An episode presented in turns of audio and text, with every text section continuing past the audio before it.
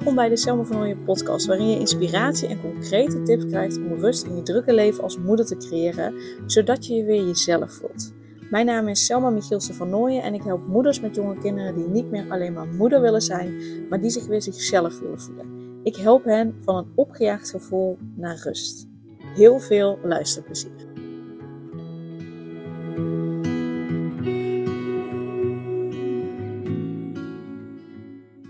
Ontsnap aan de drukte van het moederschap. Daar wil ik het met je over hebben in deze podcastaflevering. Want vaak hoor ik van mijn klanten dat, ehm, ja, dat de dagen dan een beetje op elkaar beginnen te lijken, zelfs door elkaar heen lopen, omdat ze zoveel te doen hebben altijd en dat er geen einde lijkt te komen aan die takenlijst, aan die to-do-lijst die in hun hoofd zit, maar ook op papier gaat. En deze moeders, mijn klanten, die nemen vaak zoveel verantwoordelijkheden op zich. En ze voelen zich ook verantwoordelijk voor alles en iedereen. Dus ze voelen zich verantwoordelijk voor hoe anderen zich voelen. Uh, ze houden hier heel veel rekening mee. Uh, ze voelen zich ook verantwoordelijk voor, um, nou ja, voor, voor allerlei dingen waar ze eigenlijk niet verantwoordelijk voor zijn. Ik heb verder even niet zo gauw een voorbeeld. Uh, maar vooral ook voor verantwoordelijk voelen voor hoe anderen zich voelen. En dat ze daar dus heel veel rekening mee houden. En dat ze daardoor ook het idee hebben dat ze niet echt zichzelf kunnen zijn, omdat ze dus continu bezig zijn met anderen en hun gevoelens. Uh, en daar rekening mee houden, opletten dat, uh, ja, dat ze echt bezig zijn van, oeh, maar zou ik dit wel kunnen zeggen? vindt die persoon dat misschien niet vervelend als ik dat zeg? Of trap ik dan niet op zijn of haar tenen? Of, of gaat die persoon daar dan misschien geen naar gevoel bij krijgen? Of wat dan ook. Dus daar zijn ze continu mee bezig. Dus ze houden zich eigenlijk continu in. Nou, dat kost superveel energie. En uh, ze zijn ook niet echt zichzelf dan. En daarnaast voelen ze zich ook nog eens moe. Omdat ze dus altijd maar bezig zijn. Uh, in hun hoofd zitten honderdduizend dingen die nog gedaan moeten worden. Zoals de was, boodschappen, kinderen ophalen, een mail versturen voor het werk, voor het bedrijf, uh, stofzuigen, I don't know, de vaatwasser uitruimen, van alles. Ze staan ook altijd aan en hebben het idee dat ze nooit op adem kunnen komen. En misschien herken je dat. Misschien herken je het wel dat je dus continu bezig bent en geen tijd voor jezelf hebt. En dan ben ik benieuwd. Dus ik wil dat je heel even voor jezelf nagaat. Van oké, welke van deze situaties is mij van toepassing? Dus ik ga twee situaties aan je voorleggen. Dus of de situatie is op je van toepassing dat je wel tijd voor jezelf neemt. Uh, iets voor jezelf doet. Zodat je, ja, dat je het wel wil, zeg maar. Dus dat je wel die tijd wil nemen. Dat je wel iets voor jezelf wil doen. Zodat je kan ontspannen, zodat je op kan laden. Maar dat je geen idee hebt wanneer je dat dan moet doen. Omdat er altijd wel iets te doen is. En als jij het niet doet, dan doet niemand het. Uh, dus daardoor lijkt het niet echt een optie om tijd voor jezelf te nemen. Dus dat is de eerste situatie, dat je het wel wil, maar dat je echt het idee hebt, maar hoe dan en wanneer dan? Dat gaat niet. Er moet van alles gedaan worden. Uh, als ik het niet doe, dan gebeurt het niet. Al dat soort dingen. Dus dat is situatie 1. Of, dus of die is op je van toepassing, of de volgende situatie op je, is op je van toepassing. En dat is dat je wel dus um, ja, tijd voor jezelf inplant. Soms ook neemt, of in ieder geval eraan begint. Maar dat er dan weer iets tussen komt. Dus dat er telkens wel iets of iemand is die je aandacht vraagt. Waardoor je weer dat moment voor jezelf skipt. Uh, waardoor je wederom anderen voorrang geeft op je eigen behoeften, op je eigen rust, op je eigen ontspanning. Waardoor je dus uiteindelijk niet de tijd voor jezelf neemt. Of veel te kort, veel korter dan je zou willen. Dus welke situatie is op jou van toepassing? Situatie 1 is, je wil het wel, maar je hebt geen idee hoe en wanneer. Situatie 2 is, je plant het wel in, en of je begint eraan, maar dan komt er weer iets of iemand erheen die je aandacht vraagt, die geef je voorrang. In allebei de situaties wil ik je zeggen dat overweldigende gevoel waar je last van hebt, dat verdwijnt niet vanzelf. Dat overweldigende gevoel van uh, uh, ik moet het wel doen, want anders wordt het niet gedaan. Of dat overweldigende gevoel van oh nou, ging ik eindelijk rust nemen. En dan is er weer iets of iemand die aandacht vraagt. Dat kan heel overweldigend voelen. ja, dat je voor je gevoel constant nodig hebt. Maar het overweldigende gevoel waar je last van hebt, dat verdwijnt niet vanzelf. En ik zou echt heel graag willen dat ik een magische pil voor je had, waardoor het ineens allemaal makkelijker is en ook verdwijnt. Maar de realiteit is dat je gewoon weg, en het klinkt makkelijker dan ik het zeg, I know. Uh, en het klinkt makkelijker dan, dan, het, dan dat, dat, zo. Het klinkt makkelijker dan dat je het denkt nu te kunnen doen. Uh, uh, en dat denken wil ik er echt bij zeggen, omdat het echt gaat om wat jij denkt dat er mogelijk is. Want er is vaak meer mogelijk dan je denkt. dus de realiteit is dat je gewoonweg andere keuzes te maken hebt. En uh, dat is eigenlijk ook het enige wat je te doen hebt om die tijd voor jezelf te hebben. En ik weet nogmaals dat het makkelijker gezegd is dan uiteindelijk gedaan. Maar je hebt gewoon andere keuzes te maken en je hebt de afspraken die je met jezelf maakt om tijd voor jezelf te nemen, die heb je gewoon weg na te komen. Eigenlijk is dat heel simpel. En in de realiteit blijkt dat vaak toch niet zo simpel te zijn als dat ik het nu zeg. Maar het is wel wat je te doen hebt. En dat zal niet altijd goed voelen, want ja, er is in het moederschap altijd wel iets te doen. Maar of dat je datgene ook daadwerkelijk doet, dat is je eigen keuze. Dat is echt oprecht. En ik kan het niet mooier maken dan het is. En misschien voelt dit heel confronterend.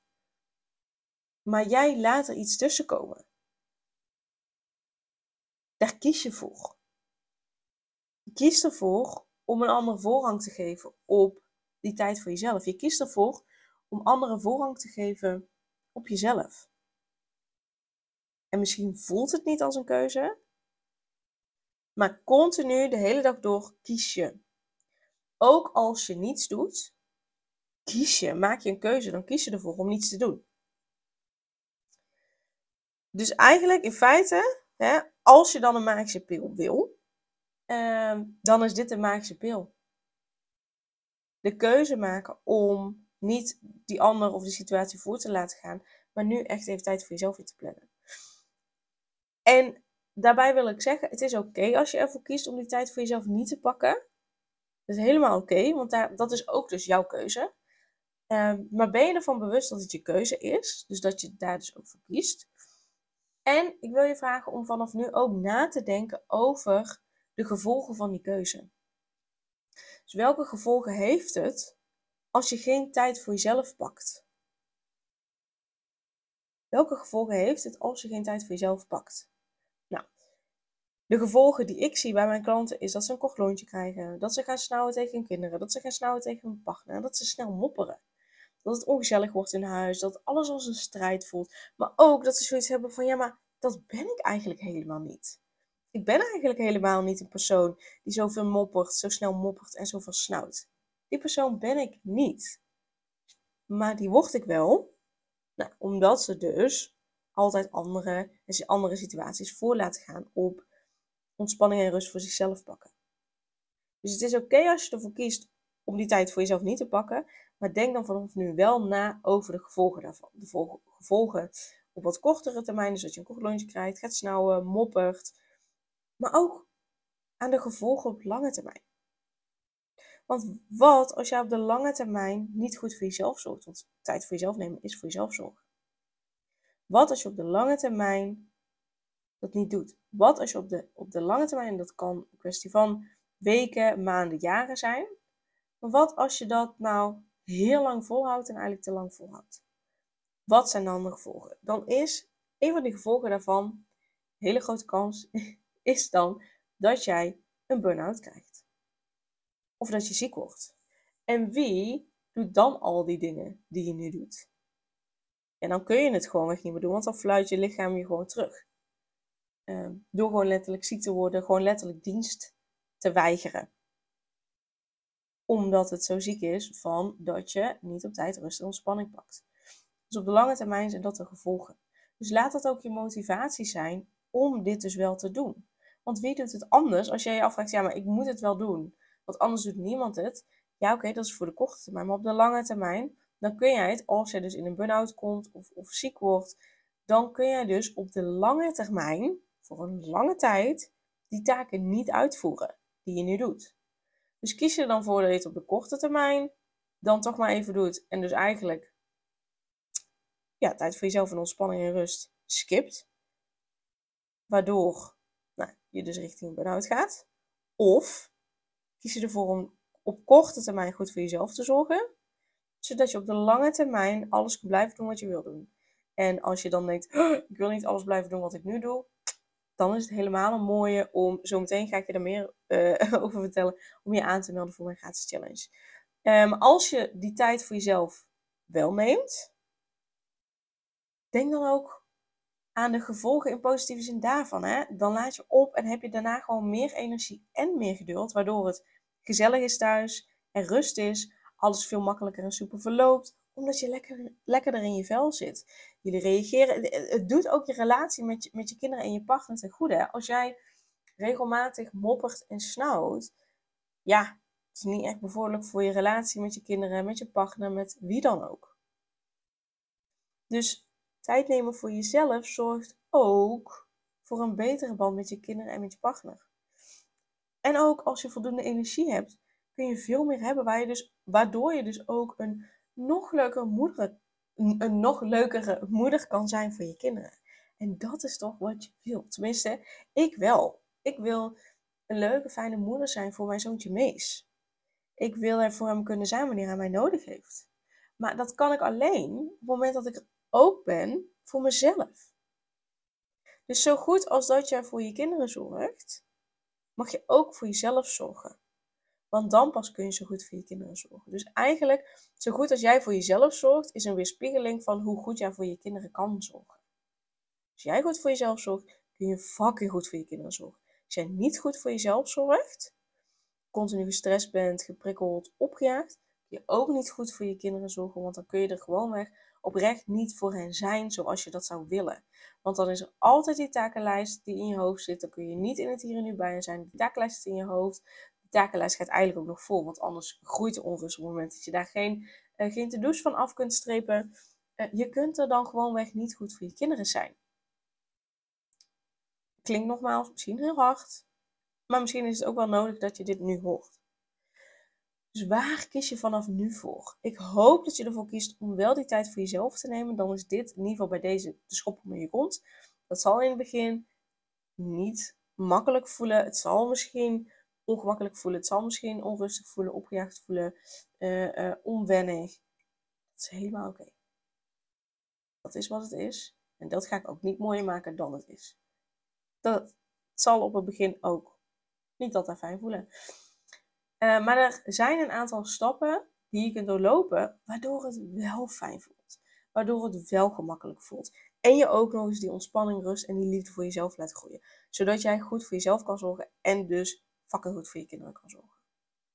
Wat die stappen zijn, dat deel ik dus in mijn gratis driedaagse challenge Rust voor Moeders. Dus daarin ontdek je dus ook wat je kunt doen om blijvend rust te creëren. Zodat je gewoon eindelijk jezelf kan zijn en de vrouw en de moeder kan zijn die je graag wil zijn. Zodat je een nog leukere moeder voor je kinderen kan zijn. En dat je er echt voor hen kan zijn. En niet voor hen kan zijn halfslachtig met die to-do-lijst in je hoofd die eigenlijk meer aandacht vraagt dan die je aan je kinderen kunt geven. Dat is dan niet meer de situatie. Uh, maar dan kun je gewoon echt volledig in het hier en nu voor je kinderen er zijn. Yes, ik uh, zet de link in de show notes. Dan kun je je direct aanmelden voor de challenge. Deze podcast komt op 15 januari uit. En uh, um, uh, de challenge start 16 januari. Dus als je op 15 januari luistert, dan ben je nog meteen op tijd om je daarvoor aan te melden. Uh, 16, 17 en 19 januari geef ik hem. Ehm, dus het is drie dagen. En daarna is de eerste volgende keer dat ik hem ga geven in maart. dus dan moet je twee maanden wachten. Dus je kunt er beter gewoon nu meteen bij zijn om direct die verandering te realiseren. Yes? Ik zie je heel graag bij de challenge. Super dankjewel voor het luisteren en tot dan. Doei doei! Super leuk dat je weer luisterde naar een aflevering van de Selma van Ooyen podcast. Dankjewel daarvoor. En ik deel in deze intro nog een aantal belangrijke punten. Als eerste is het mijn missie om ervoor te zorgen dat moeders zich weer zichzelf voelen en ze rust en liefde voor zichzelf voelen, zodat hun kinderen zo lang mogelijk kind kunnen zijn. Daarom maak ik deze podcast voor jou en voor je kind of voor je kinderen. Dus gun het jezelf dat je weer jezelf voelt en dat je voluit geniet van het leven, zodat je je kinderen een vrije en gelukkige jeugd kunt geven en ze zo lang mogelijk speels, vrij, onbevangen en onbezonnen kind kunnen zijn. Dus vraag daarom nu mijn gratis e-book aan 8 tips voor moeders met jonge kinderen om meer rust in je leven te creëren. Of meld je aan voor mijn gratis online training De Cruciale Stap om blijvend rust in je leven te creëren als moeder met jonge kinderen. Ten tweede, wil je alle podcastafleveringen overzichtelijk onder elkaar en wil je als eerste op de hoogte gebracht worden als er een nieuwe podcastaflevering online staat? Abonneer je dan op de podcast door op de knop volgen, subscribe of abonneer te drukken en klik op het belletje. En ten derde, ondersteun je mijn missie en wil je ook weer jezelf voelen, zodat je kinderen zo lang mogelijk kind kunnen zijn? Laat dan een review achter in de podcast-app via waar je deze afleveringen luistert. Want hoe meer reviews, hoe beter de podcast vindbaar is en dus hoe meer moeders en kinderen ik kan helpen. En tot slot, ken je andere moeders voor wie deze podcast interessant zou zijn? Deel dan gerust een aflevering met hen of deel een screenshot van deze aflevering op je social media.